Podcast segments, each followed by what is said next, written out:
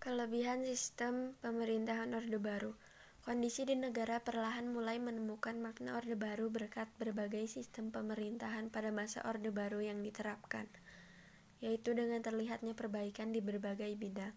Beberapa kelebihan Orde Baru yaitu satu, Angka gross domestic produk Indonesia secara per kapita meningkat hingga lebih dari 1000% dari hanya mencapai 70 dolar pada tahun 1968 dan pada 1996 meningkat menjadi 1000% hingga mencapai lebih dari 1565 dolar Amerika.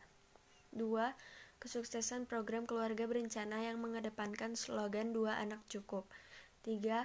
Program pemberantasan buta huruf yang dilakukan di masyarakat dengan sukses sehingga tingkat pengangguran pun berkurang.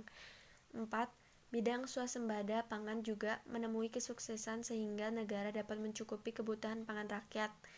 Hal ini membuktikan bahwa Indonesia adalah negara agraris yang tidak perlu mengekspor untuk memenuhi kebutuhan pangan. 5. Sukses merencanakan program rencana pembangunan 5 tahun atau Repelita. 6. Situasi keamanan di dalam negeri tetap stabil 7. Mensukseskan program nasional Gerakan Nasional Orang Tua Asuh dan Gerakan Wajib Belajar untuk seluruh rakyat yang masih masuk usia pelajar. 8. Bekerja sama dengan investor asing dan menerima banyak pinjaman dana dari luar negeri. Kekurangan pemerintahan Orde Baru. Hal, tentu saja hal ini selain memiliki kelebihan juga memiliki kekurangan. Kekurangan sistem pemerintahan pada masa Orde Baru yaitu satu, berkembangnya praktek korupsi, kolusi, dan nepotisme di pemerintahan. Dua, pembangunan di Indonesia tidak merata di setiap daerahnya. Misalnya di Aceh dan Papua tidak tersentuh pembangunan sehingga menimbulkan pemberontakan di kalangan masyarakat dan terjadilah kesenjangan sosial masyarakat semakin meningkat. Tiga, terjadinya pelanggaran hak asasi manusia terhadap masyarakat kalangan non-pribumi 4. Kebebasan pers juga dikekang sebagai salah satu bentuk kebijakan politik pada masa Orde Baru. Hal itu tidak dialami oleh pers pada masa reformasi yang lebih bebas. 5. Sistem birokrasi yang negatif semakin berkembang dikenal dengan istilah asal bapak senang yang diingat sampai sekarang bahkan sulit dihapus dari kebiasaan. 6. Sistem keamanan menggunakan kekerasan untuk menekan protes terhadap pemerintah. 7 Kekayaan negara banyak dikuasai dengan dieksploitasi swasta, kebijakan ekonomi terlalu berpihak pada investasi asing. 8. Kalangan tentara ikut mengurusi politik negara dengan dui fungsi ABRI.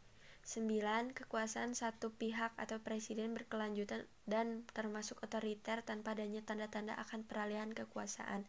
10 adanya program transmigrasi yang ditetapkan pemerintah dan menimbulkan kecemburuan penduduk setempat karena tunjangan yang cukup besar untuk para transmigran pada tahun-tahun pertamanya. 11. Kekuasaan presiden berada di atas Undang-Undang Dasar 1945. Segala kelebihan dan kekurangan dalam sistem pemerintahan Orde Baru tersebut membuat masyarakat yang awalnya merasa nyaman mulai terusik terutama karena berbagai penyimpangan sistem pemerintahan yang terjadi dan ketidakbebasan mengungkapkan pendapat. Tuntutan akan perubahan kepemimpinan dan sistem pemerintahan mulai mengemuka. Terlebih lagi saat itu imbas dari krisis ekonomi Asia juga mempengaruhi Indonesia. Berbagai demonstrasi dan tuntutan pun terus bergulir hingga menyebabkan korban tragedi Trisakti 1998 Sejumlah empat orang mahasiswa yang berdemonstrasi menuntut kemunduran Presiden Soeharto. Peristiwa itu dikenal dengan sejarah peristiwa Trisakti yang akhirnya menyebabkan kerusuhan Mei 1998 yang berbau sara.